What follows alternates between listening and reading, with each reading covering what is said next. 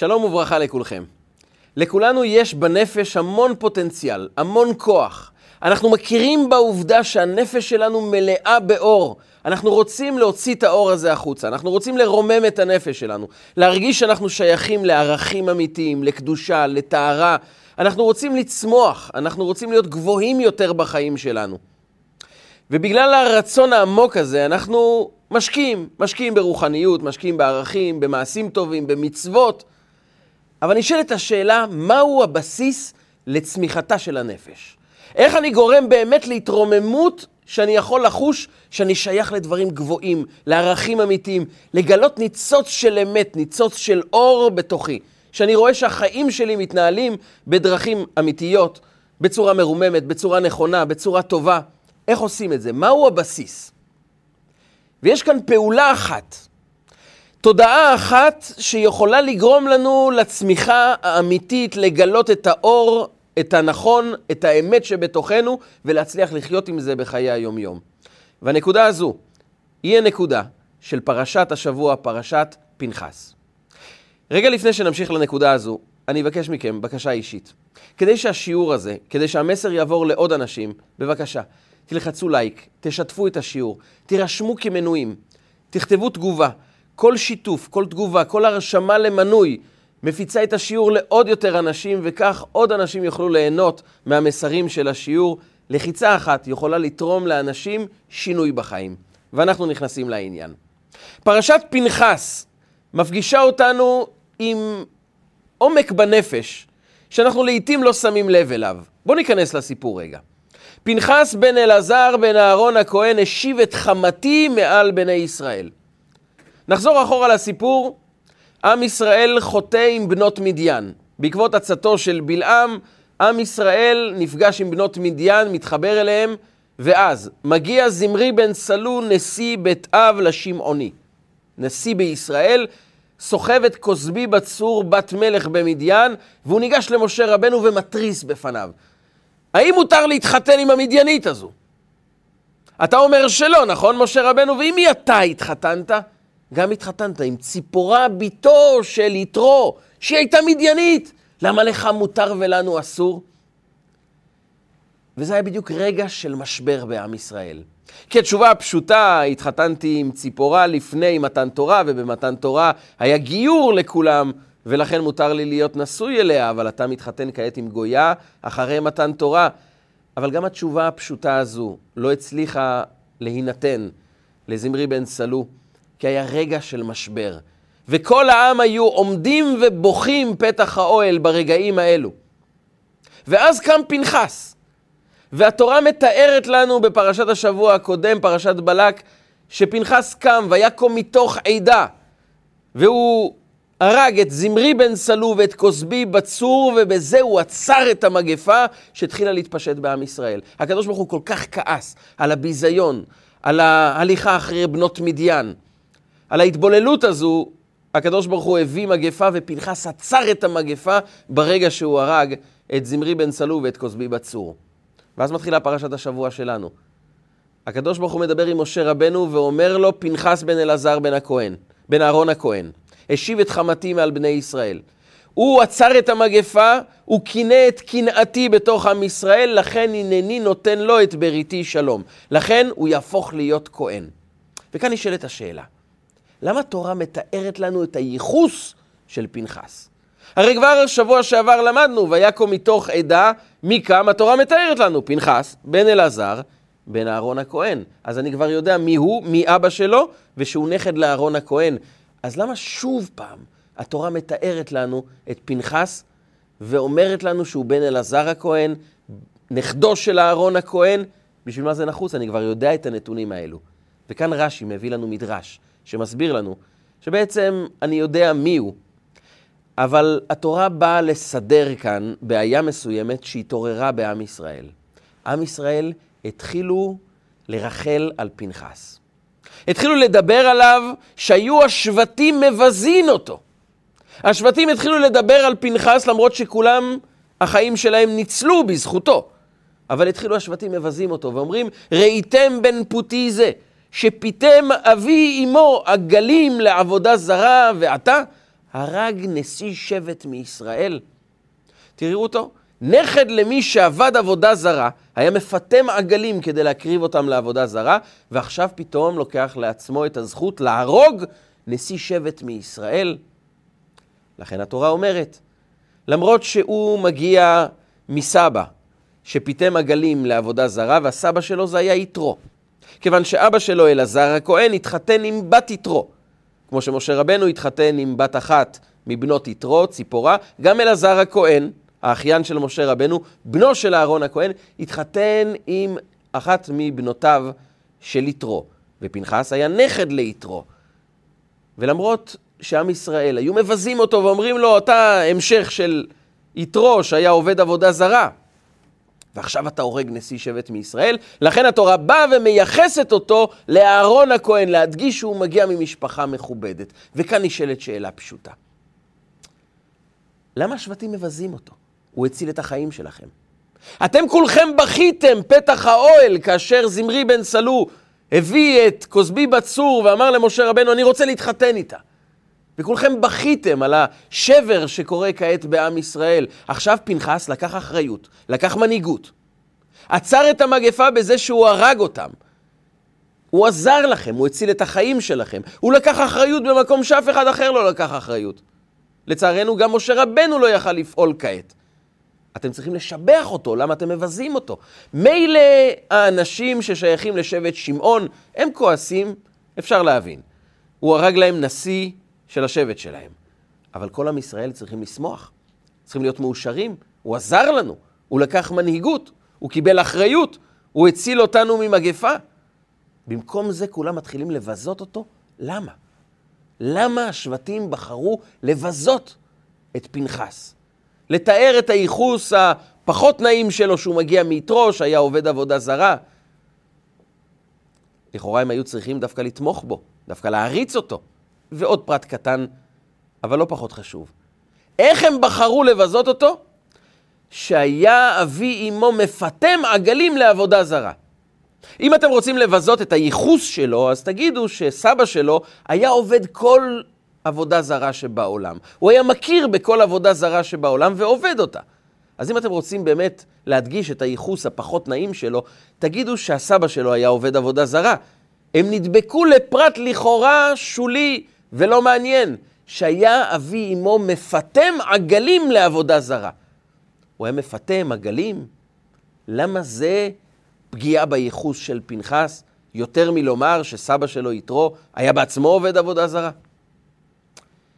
אלא שמסתתר כאן דבר אחר, שבשנה אחת הרבי מלובביץ' הסביר את העומק של ההתנהלות של עם ישראל באותם רגעים. עם ישראל עומדים מול פנחס ושואלים את עצמם שאלה. איך הוא ידע לעשות את מה שאף אחד אחר לא ידע לעשות? איך יכול להיות שאנשים גדולים ממנו לא עשו את מה שהוא עשה כדי לעצור את המגפה? מה מיוחד בו? ואז אנשים התחילו לדבר דיבור שאנחנו יכולים לפגוש אותו גם בחיים שלנו, וצריך להיות מאוד מאוד מדויקים לתת שימת לב לניגון הזה שמתנגן בתוכנו לפעמים, לשיחה הפנימית שלנו. וזה היה העומק של היו השבטים מבזים אותו. הם אמרו, רגע, משה רבנו לא פעל את מה שצריך לעשות, הסנהדרין לא עשו את מה שפנחס עשה, למה דווקא הוא ידע ברגע הנכון להרוג את כוסבי בצור ואת זמרי בן סלו? התשובה לכך היא מאוד פשוטה. הוא אכזר, וזה מגיע מהגנים המשפחתיים שלו. הוא מגיע ממשפחה אכזרית. וכאשר אדם אכזרי מגלה שיש מצווה להרוג מישהו, הוא הראשון שניגש למשימה. לא בגלל שהוא צדיק, בגלל שיש לו גנים אכזריים, בגלל שיש לו טבע להרוג אנשים אחרים, ולכן הוא ניגש למשימה הזו ראשון. נכון שהוא עשה מצווה, נכון שהוא הציל אותנו, אבל המניעים שלו היו מניעים פסולים. ולכן השבטים היו מבזים אותו. היו בעצם אומרים, הסבא שלו היה אדם עם אכזריות ייחודית. והאכזריות שלו התבטאה לא בזה שהוא היה הורג המון בהמות בשביל להקריב אותם לעבודה זרה, אלא כי הוא היה מפטם עגלים לעבודה זרה. פיתום זה בעצם לתת המון טובה לבהמה, לתת לה הרבה אוכל, אבל המטרה, המטרה זה להרוג אותה. ואכזריות כזו, יש בה משהו, מימד נוסף על האכזריות הפשוטה של סתם להרוג בעלי חיים. זה בעצם כביכול לתת טובה, אבל המניע זה בעצם כדי להרוג אותה, כדי להקריב אותה לעבודה זרה. זו אכזריות נוספת. זה בעצם לתת טובה, לפטם את הבהמה, אבל הכוונה היא רק כדי להפיק ממנה תועלת, להרוג אותה בשביל עבודה זרה. והגנים האלו עברו לפנחס, ופנחס גם אדם אכזרי, כך טענו השבטים, ולכן הוא עשה מעשה טוב. אבל כמה ערך אני יכול לתת לאדם שעושה מעשה טוב? אבל בשביל אינטרס אישי, בשביל לממש סוף סוף את התכונות האכזריות שקיימות בתוכו, שהוא לא יכול לבטא אותן, וסוף סוף הוא קיבל את ההזדמנות, אז הוא עשה מעשה טוב. אבל בינינו, היו השבטים מבזים אותו, והיו אומרים, ראו בן פוטי. הוא מגיע כנכד של אדם אכזרי, וכנראה שגם הוא אכזרי, אז הוא שש ושמח לקיים מצווה של לבטא אכזריות. אז עכשיו זה מסתדר לו, אבל במהות הוא אדם אינטרסנט, הוא אדם שמחפש את מה נוח לו, את מה שטוב לו. וכאן באה התורה ואומרת לנו, זו טעות.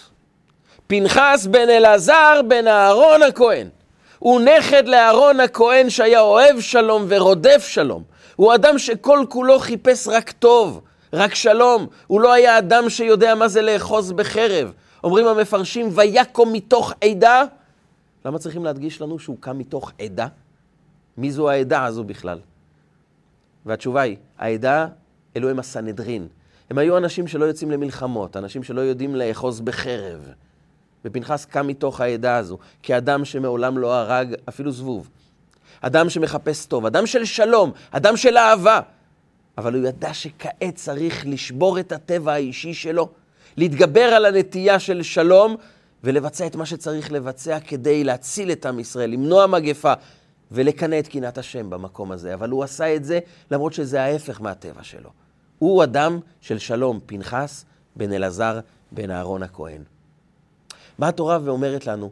כשאתה דן אדם אחר, כשאתה בעצם אומר, נכון, הוא עשה מעשה טוב, אנחנו מודים שהוא עשה מעשה שעזר לכולם, הנה הוא תרם לבית הכנסת, בזכותו כולנו נהנים מבית הכנסת טוב, אבל למה הוא באמת תרם? הוא הרי רוצה כבוד, הוא הרי רוצה את השם שלו.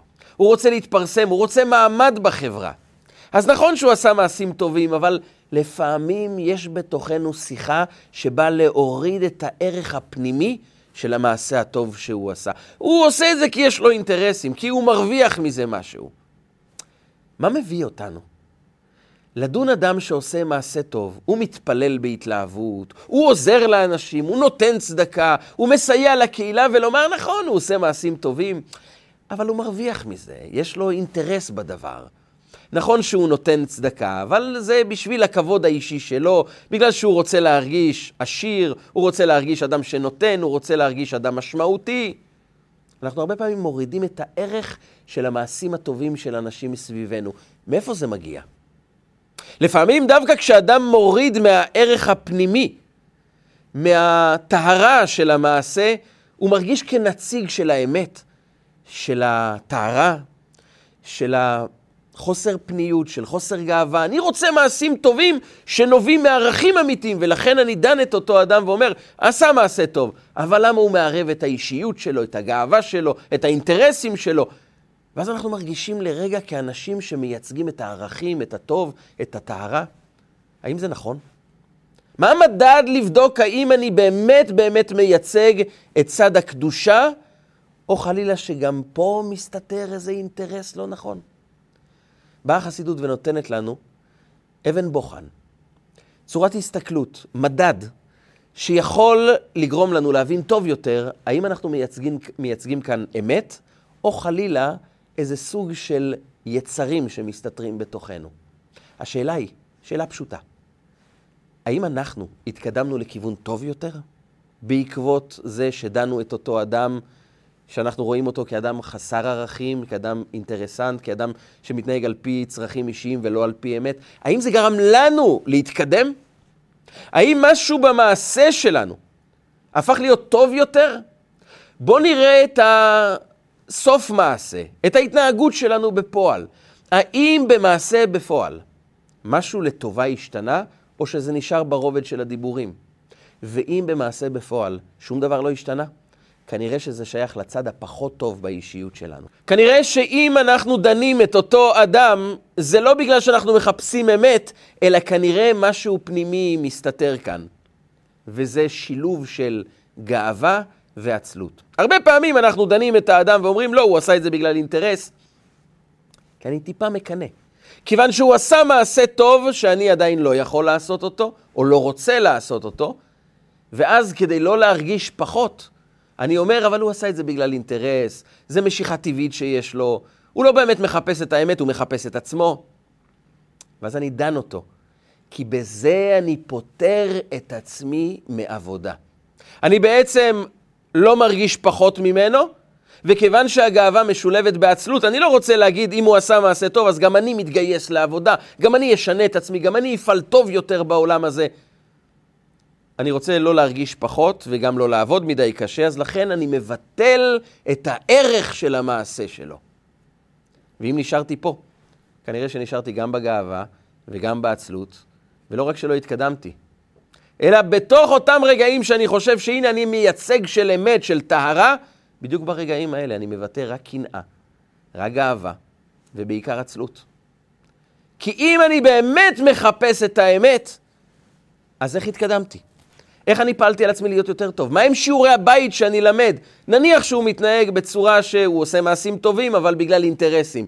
איך אני הופך להיות טוב יותר? איך אני מקיים מצוות בצורה גבוהה יותר? איך גם אני יכול לקיים מעשים טובים שהוא עושה בצורה טובה יותר? אבל כאשר אנחנו לא מקדמים את עצמנו, כאשר בשטח שום דבר לא משתנה, זו הוכחה שכנראה זה הגיע מהצד של גאווה משולבת בעצלות. גאווה שמשולבת בחוסר רצון לעשות. ולכן, באה התורה ואומרת, דנתם אותו לכף חובה. יש הרי ציווי, והבא דן את כל האדם לקו זכות. יש לנו ציווי שאנחנו נתקדם. כאשר אני דן אדם אחר, כאשר אני אומר הוא עשה מעשים טובים, אבל זה בגלל אינטרסים, התקדמתי? צמחתי? לא רק שאני לא התקדמתי, אלא גם דנתי אותו לכף חובה בדיוק הפוך מציווי המשנה, והבא דן את כל אדם לקו זכות.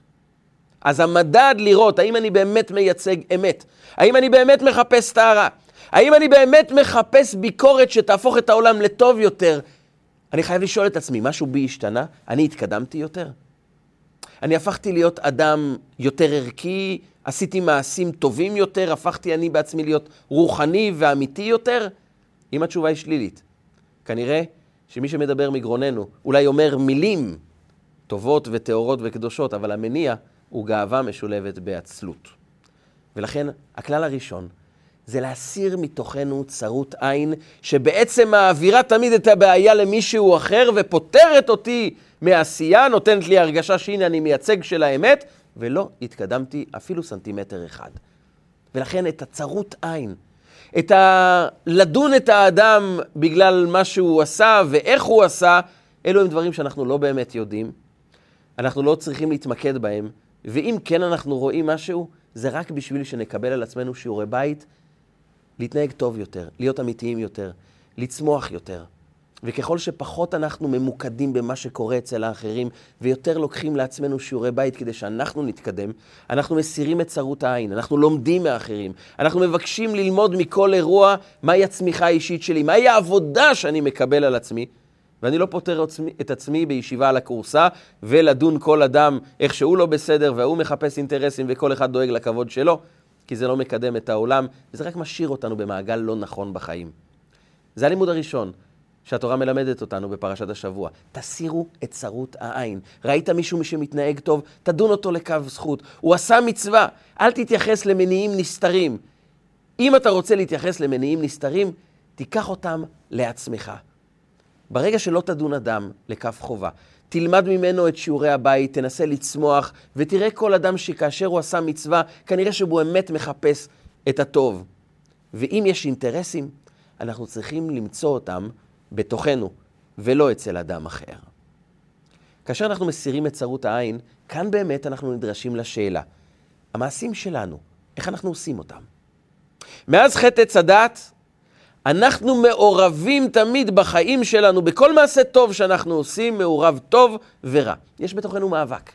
מאבק בין הנפש האלוקית, שהיא מחפשת אמת, יושר, טהרה, צדקות, התקרבות אמיתית לקדוש ברוך הוא. ביחד עם נפש הבעמית שמעניין אותה רק דבר אחד, אני עצמי, מה אני מרוויח. ולכן גם במצווה שאנחנו מקיימים, נפש הבעמית, החלק הבהמי שבתוכנו, מחפש אינטרס, מחפש רווח. אנחנו אולי הולכים ללמוד תורה, אבל גם מתעניינים מה יגישו שם לאכול. אנחנו נותנים צדקה, אבל אנחנו גם מעוניינים בהרגשה טובה. שהנה אני עזרתי למישהו, הנה הוא גם אומר לי תודה, יכולים גם לפרסם אותנו, אנחנו יכולים להרגיש טוב יותר. גם אם אנחנו לא מחפשים פרסום, אנחנו מחפשים את ההרגשה הטובה. יש תמיד אינטרסים שמעורבים ביחד עם המעשים הטובים שבנו, ולא צריך להיבהל, כך נולדנו. להפך, בא, באים חכמינו, זיכרונם לברכה, ואומרים לנו, לעולם ילמד אדם תורה שלא לשמה, שמתוך שלא לשמה יבוא לשמה. לא צריך להיבהל מהאינטרסים, תעשה את המעשה הטוב. אדמו"ר הזקן אמר פעם לחסיד, שאמר שהוא נותן צדקה, אבל זה ממלא אותו באינטרסים ובגאווה, כי הוא מתמלא בתחושה של חשיבות עצמית, אז אולי זה קצת משקר שהוא נותן צדקה. אדמו"ר הזקן חייך ואמר לו, אבל האני שבע באמת. אולי אתה עושה את זה בשקר, אבל האני שבע באמת. את זה אל תעצור. תתקן את עצמך, אבל תמשיך לתת צדקה. וכאן אדם נדרש באמת, בתוך הידיעה שיש בתוכנו מעשים טובים מעורבים באינטרסים, מעורבים עדיין ברווח אישי, להכיר את זה ולהתחיל לרומם את הנפש שלנו. הצמיחה האמיתית של הנפש שלנו, היא תהיה כאשר אנחנו נגלה נקודה פנימית שמסתתרת בסיפור הבא שמספרת הגמרא בתלמוד הבבלי במסכת עבודה זרה, דף י"ח. הסיפור מספר על התקופה הרומאית, חורבן בית המקדש השני. הממשל הרומאי אוסר על לימוד תורה. מבחינתם זה מעשה חשוך, מעשה שלא נותן קדמה, מעשה אסור, ומי שילמד תורה דינו מוות. הם הכריזו את ההכרזה הזו, תלו שלטים בכל מקום, וכל יהודי הבין, אם אני לומד תורה, אני מסכן את חיי. רבי חנינא בן תרדיון, אחד מגדולי התנאים, אחד מעשרת הרוגי מלכות, הוא נהרג בסופו של דבר על ידי הממשל הרומאי. הוא אמר, לא יקום ולא יהיה, כל עוד שאני חי, תורה לא תפסיק מעם ישראל. אומרת הגמרא שהיה רבי חנינא בן תרדיון לא רק ממשיך ללמוד תורה, אלא היה מקהיל קהילות ברבים. כדי ללמד תורה את עם ישראל. הוא פתח את בית הכנסת והודיע לכולם, כולם מוזמנים לשיעור התורה שלי. תורה לא תפסיק בעם ישראל, אף אחד לא הצליח לעצור את התורה, ובזמני, כל עוד שאני פה, גם אף אחד לא יוכל כעת לעצור את לימוד התורה. לימוד התורה ימשיך בכל עם ישראל. הוא הקיל קהילות ברבים. סיכן את נפשו. מספרת הגמרא שיום אחד הגיעו אליו תלמידיו ואמרו לו, רבי, רבך, רבי יוסי בן קיסמה, שהיה הרב של רבי חנינא בן תרדיון, הוא חולה. זה היה החולי האחרון שלו. והוא הלך לבקר אותו. וכשהוא נכנס אליו, מיד פנה אליו רבי יוסי בן קיסמר. ובכוחותיו האחרונים שאל אותו, רבי חנינא, שמעתי עליך שאתה מקהיל קהילות ברבים ללמד תורה.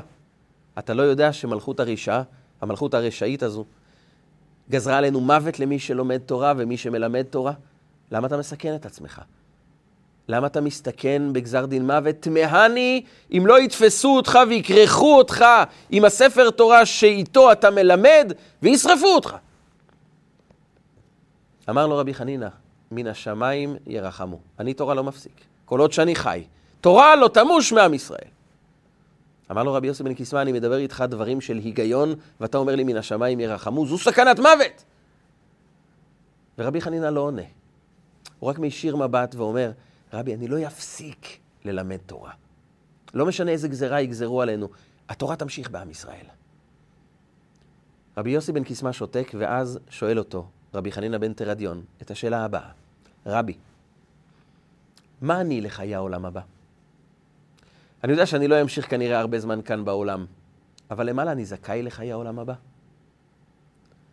אם הוא היה שואל אותנו כנראה את השאלה הזו, היינו אומרים, מי כמוך זכאי לחיי העולם הבא, שמוכן למות על קידוש השם, שמוכן למות עבור המשכיותה של התורה מדור לדור. אבל רבי יוסי בן קיסמא אומר לו, אני לא יודע. תספר לי אולי איזה, על איזה מצווה שעשית לאחרונה, אולי תספר לי על מעשה טוב אמיתי שעשית, כדי שאני אדע אם אתה זכאי לחיי העולם הבא. ורבי חנינא בן תרדיון מבין את העומק של השאלה, ומספר לו את הסיפור הבא. פורים האחרון, אני אספתי כסף לעניים. רבי חנינא בן תרדיון היה מגבאי הצדקה, אנשים שאוספים כסף עבור עניים. ושמתי בארנק אחד את הכסף של העניים, בארנק שני היה את הכסף הפרטי שלי, שנועד עבור סעודת פורים. ופתאום שני הארנקים התערבבו, וכל הכסף הפך להיות ערימה אחת, ולא ידעתי מה שלי ומה של העניים. ברור היה לי שחלק מהכסף שייך לי, אבל לא התחלתי להפריד ולא עשיתי שום דבר דומה לזה. פשוט נתתי את כל הכסף לעניים. רבי יוסי בן קיסמא התעורר, תפס אותו ואמר לו, רבי חנינא, מחלקך יהיה חלקי, הלוואי ואני אזכה לחיי העולם הבא כמו שאתה תזכה. סופו של הסיפור היה שרבי חנינא חזר ללמד תורה, רבי יוסי בן קיסמא נפטר, בסיום ההלוויה תפסו שוטרים רומאים את רבי חנינא בן תרדיון מלמד תורה, כרכו אותו בספר התורה, והוא נשרף על קידוש השם, אנחנו מזכירים אותו בכל יום הכיפורים, יחד עם עשרת הרוגי מלכות. רגע לפני שהוא נפטר, הוא אמר לתלמידיו, אני רואה גבילין נשרפים ואותיות פורחות באוויר. אפשר לשרוף רק את הגביל, את הקלף של הספר תורה. את הגוף אפשר לשרוף. האותיות תמיד נשארות, הנשמה תמיד נשארת. הקדושה לא הולכת לשום מקום, היא תמיד חיה ופועלת בעולם. וכאן נשאלת השאלה שאותה שואל בעל התניא האדמו"ר הזקן.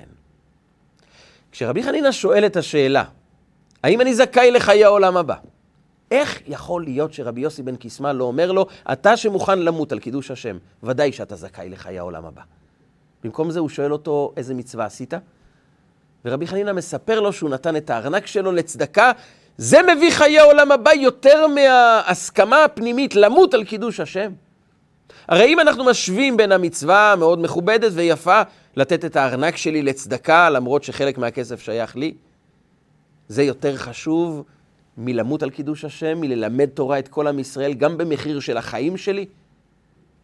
למה רבי יוסי בן קיסמא התעורר דווקא מהסיפור של נתינת הצדקה, ולא מהסיפור של אדם שמוכן למות עבור לימוד התורה והמוכנות להנחיל אותה לדור הבא, גם במחיר של חיים? והתשובה הבאה היא תשובה מאוד יסודית ועמוקה בנפש של כל אחד מאיתנו. רבי יוסי בן קיסמא פונה לרבי חנינא בן תרדיון ושואל אותו את השאלה העמוקה הבאה. נכון, אתה מוכן למות עבור קידוש השם, עבור ללמד תורה. אבל אתה יודע, כל אדם נולד עם תכונות נפש, ואני מכיר את תכונות הנפש שלך. תכונת הנפש שלך היא מה שנקרא בלשונם של חכמינו מרה שחורה. מרה שחורה זה אדם שלא אוהב בילויים בחוץ, לא מחפש הנאות בחיים. הוא ממוקד יותר בלימוד, הוא מוכן ללמוד כל חייו. הוא מוכן בשביל הערכים שלו גם למות, זה לא מפריע לו. הוא לא מחפש את חוויית העולם, חוויית החיים. הוא חי בתוך האמת והוא מוכן למסור את עצמו עבור האמת, הוא מוכן ללמוד תורה כל היום, לא מעניין אותו משהו אחר. ולכן רבי חנינא, אתה מוסר את עצמך עבור התורה, וזה באמת מצווה מאוד מאוד גדולה. אין ספק שתקבל על זה שכר. אבל אם אתה שואל מהו המפתח לעולם הבא, אם אתה רוצה לדעת מה יפתח בתוכך את העולם הבא כבר בעולם הזה, אם אתה רוצה לגלות אור בתוך נשמתך, אם אתה רוצה לגלות מי אתה באמת, לחוות את החוויה הטהורה והקדושה האמיתית שמסתתרת בתוכך, תשאל את עצמך את השאלה הבאה. איזה מעשה אני עושה שנוגד את הטבע שלי? שהוא מהווה סוג של משהו הפוך לגמרי מההתנהלות הטבעית שלי. ואני עדיין עושה את זה רק מסיבה אחת, ללא אינטרסים, כי ככה האמת, כי עושה את האמת מפני שהוא אמת. רבי חנינא בן תרדיון הבין את השאלה העמוקה של רבי יוסי בן קיסמא, והוא אמר לרבי שלו, רבי, לי יש טבע של מרה שחורה, כמו שאתה אמרת, ולטבע שלי יש מחיר. מצד אחד אני לומד תורה, אני מוכן למות עבור התורה, עבור הערכים שלי. מצד שני, אדם שמקבל טבע כמו שלי, יש בו גם את טבע הקמצנות. הוא מאוד דקדקן, הוא מאוד uh, מכונס בתוך עצמו, וקשה לו לראות את האחרים, קשה לו לטפל בצורכיהם של אנשים אחרים, ובטח אם יש כסף שלי, זה נשאר אצלי. מאוד קשה לאדם בטבע שלי לתת מעצמו עבור אחרים. ואני קלטתי את זה, ולכן בחרתי תפקיד. חוץ מלימוד התורה, אני גם גבאי צדקה. אני פונה לאחרים, אני שובר את הטבע שלי ומחפש לדאוג לאחרים. וגם כאשר הכסף יתערבב יחד, ואני יודע שחלק מהכסף ודאי שייך לי, ואני יכול לקחת חלק ממנו, לפחות את הסכום שברור לי שהיה שלי. נתתי הכל לצדקה, כי בחרתי לעשות את המצווה, בלי שום אינטרס, זה נוגד את הטבע שלי, זה מאבק, אני צריך לחרוג שיניים כדי לתת כסף שלי למישהו אחר. אבל זה העולם הבא שלי. את המעשה הזה אני עשיתי. רבי יוסי בן קיסמא אמר לו, מחלקך יהיה חלקי. אתה הבנת מהו הקוד למעשה שיכול להאיר את החיים שלנו. אנחנו עושים מצוות. אנחנו משתדלים להיות טובים, אנחנו מחפשים להיות רוחניים יותר. אבל אם יש משהו שאנחנו יכולים למצוא כבסיס, כיסוד למשהו שיצמיח את הנפש, שירומם אותנו, שיחבר אותנו למעשים טובים אמיתיים, זה לשאול את עצמנו, למרות שאנחנו חיים בתוך מערכת של מצוות שמעורבות באינטרסים, אנחנו תמיד מחפשים את הדברים שאנחנו גם יכולים להרוויח, הרגשה טובה, תחושה נעימה. מה אנחנו יכולים לעשות? מעשה אחד, אולי פעם ביום, אולי פעם בשבוע, אבל מעשה ששם אני אומר, אני יודע שזה נוגד את הטבע שלי.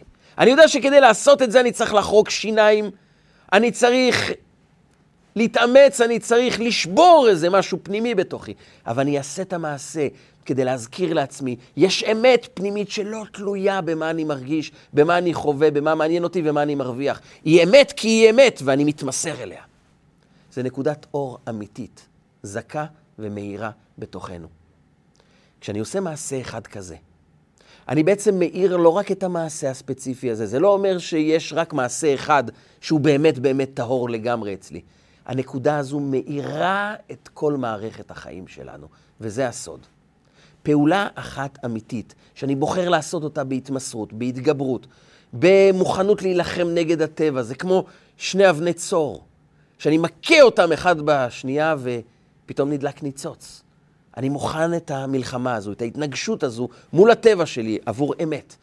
והניצוץ הזה יכול להעיר את כל המעשים, כי פתאום אני מבין שכל מערכת המעשים שלי היא באמת באמת שואפת למקום גבוה יותר. אז אני מכיר בתוכי שיש אמת גבוהה יותר מהנפש הבעמית, מהאינטרסים, מהרצונות השטחיים. אני לא נמצא רק בהם, יש בי נקודת אמת. והנקודה הזו היא בסיס של אור, שיכולה להתחיל לזכך את כל מערכות החיים שלנו. ניתן דוגמה לזה. יש מצווה לאכול סעודת שבת.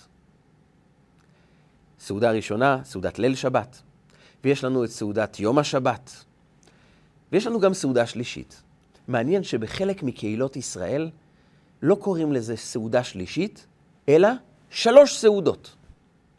סעודת שלוש סעודות. זה מאוד מוזר, השם הזה הוא לכאורה לא מבטא את הסעודה הזו. זה לא שלוש סעודות, כבר סעדנו סעודה אחת וסעודה שנייה. זו הסעודה השלישית. למה קוראים לזה שלוש סעודות? הסביר פעם אחד מגדולי ישראל את ההסבר הבא. כשאדם חוזר הביתה אחרי תפילת ערבית של ליל שבת, הוא חוזר הביתה וכמובן הוא רוצה לקיים את מצוות סעודת ליל שבת. במיוחד שכתוב וקראת לשבת עונג, מצווה לענג את השבת בדגים, בבשר, בסלטים, סעודה טובה. הוא כמובן מקפיד על המצווה, אבל האם מה שמעניין אותו בסעודה זו רק המצווה, או שהוא גם פשוט רעב? התשובה היא שגם האדם פשוט רעב. הוא גם רוצה פשוט לאכול טוב. אז אולי לא נעים לומר, אני פשוט רעב ורוצה לאכול טוב, אז הוא אומר, לכבוד שבת קודש אני מעוניין לאכול. וזו בהחלט מצווה, אבל תמיד גם מעורב אינטרס אישי. מעורב פה פשוט רצון לאכול, כי כבר מהצהריים לא אכלנו שום דבר, וכך זה גם בבוקר. אנחנו חוזרים מהתפילה, במיוחד אם הרב העריך בדרשה, אנחנו נהפכנו להיות אנשים עוד יותר רעבים, והחמין של שבת כבר מתבשל מכניסת השבת, מה שאומר שאנחנו כבר מחכים לאוכל הזה כבר די הרבה זמן. כך אדם חוזר גם בסעודת יום השבת, והוא פשוט רעב ורוצה לאכול, אז הוא אומר זה לכבוד שבת קודש, אבל בפנים גם מעורב עוד רצון אישי. מסופר על אחד מחסידי קוצק, שזו הייתה חסידות שהולכת עם האמת עד הסוף. אמת נוקבת עד התהום. והוא התארח אצל חמיב, שהיה חסיד של חסידות אחרת, וחמיב לקח חתיכת בשר ואמר, כמנהגו, לכבוד שבת קודש, ואכל, לקח עוד סלט, עוד מאכל, ועל כל מאכל שהוא הכניס לפה, הוא הכריז, לכבוד שבת קודש. חתנו, חסיד קוצק, הסתכל על זה, ולקח גם הוא חתיכת בשר ואמר, לכבוד בטני. לכבוד המעיים שלי. ואכל. כשזה חזר על עצמו כמה פעמים, שאל אותו חמיב, אבל זה לא נכון מה שאתה אומר. לא ככה אומרים. הוא אומר, אולי לא ככה אומרים, אבל זה האמת של מה שאני עושה. אולי אני יכול לדבר דיבורים, אולי גם זה חלק מהכוונות שלי, אבל בוא לא נשכח שיש בתוכנו גם אינטרסים.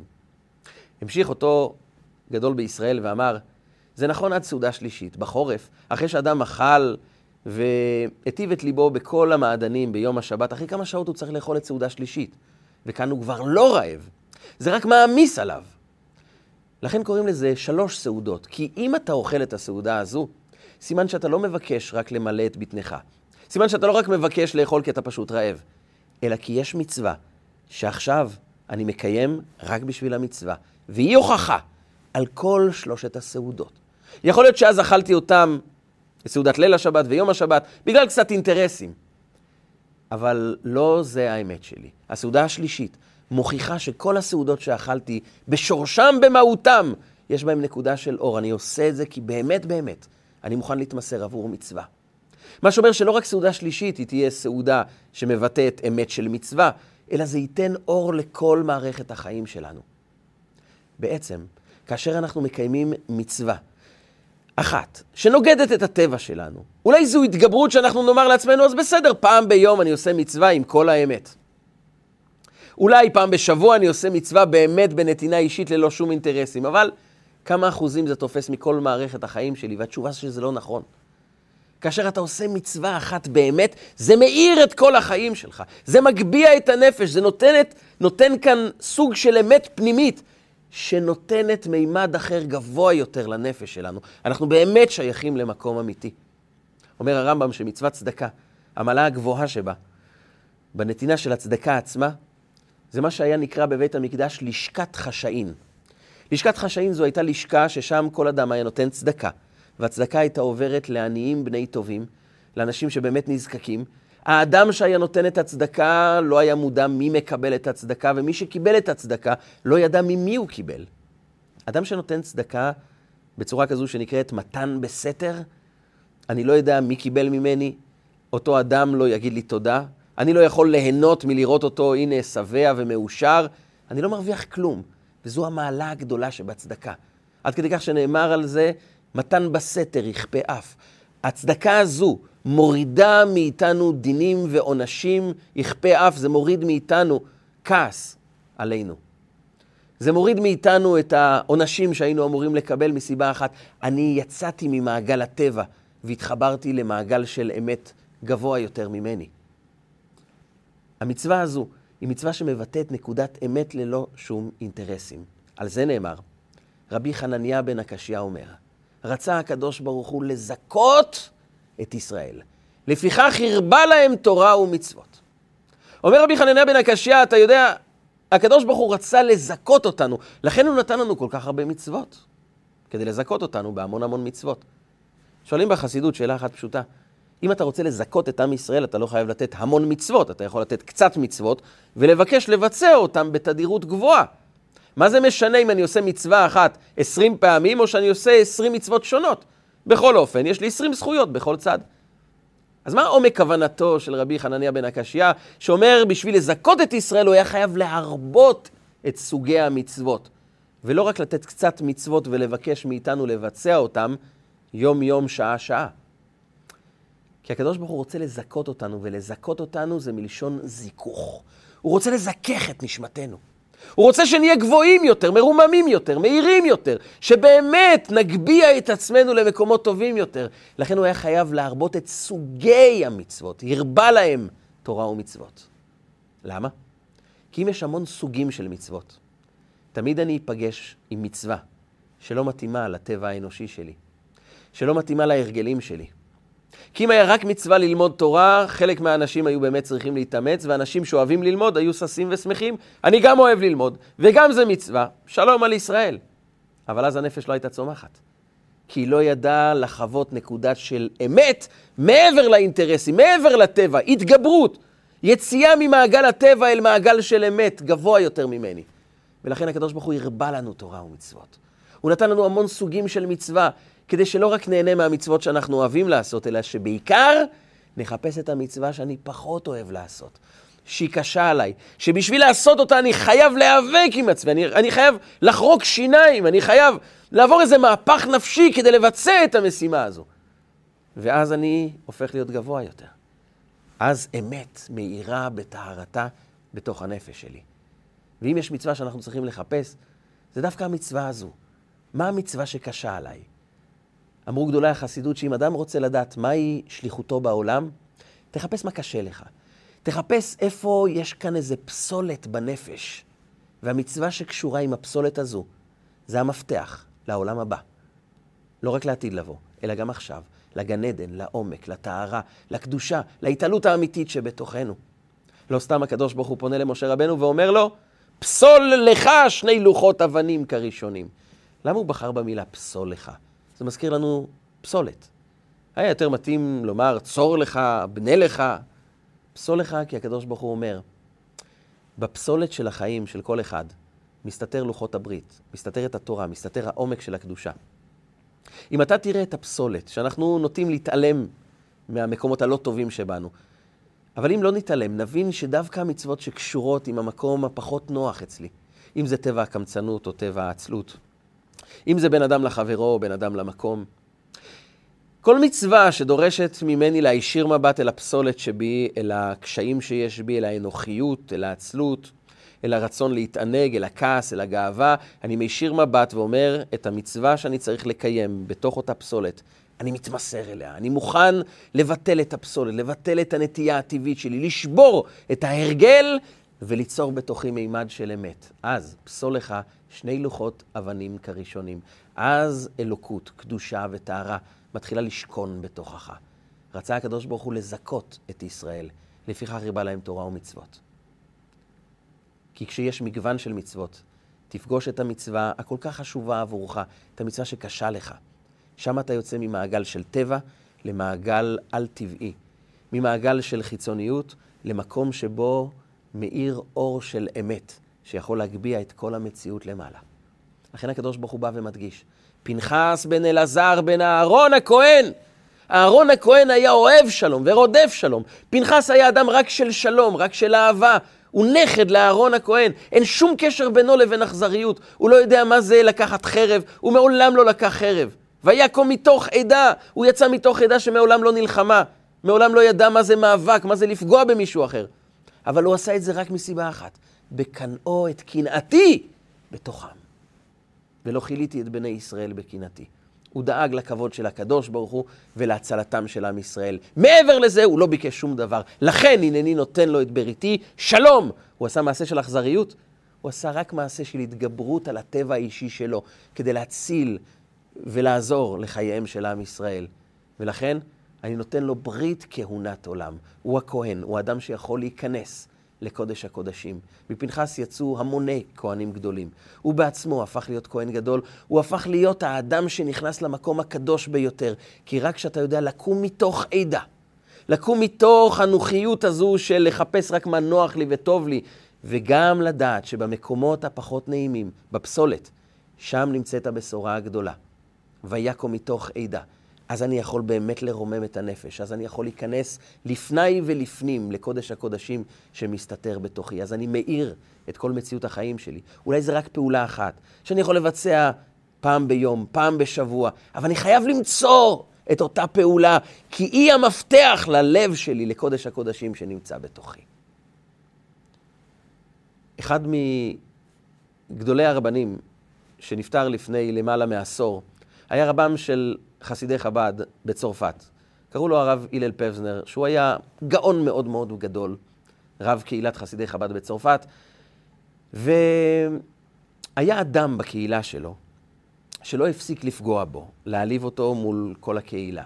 זה היה במיוחד בתפילת ערבית של ליל שבת. אחרי התפילה, כשכולם באים לרב, לומר לו אה, שלום, שבת שלום, לקבל ברכה, הוא היה צועק ואומר, הרב הזה הוא לא רב אמיתי, והוא לא מספיק ירא שמיים, ולא מספיק מתנהג כמו שצריך, היה גורם לו לביזיונות, והרב תמיד היה שותק.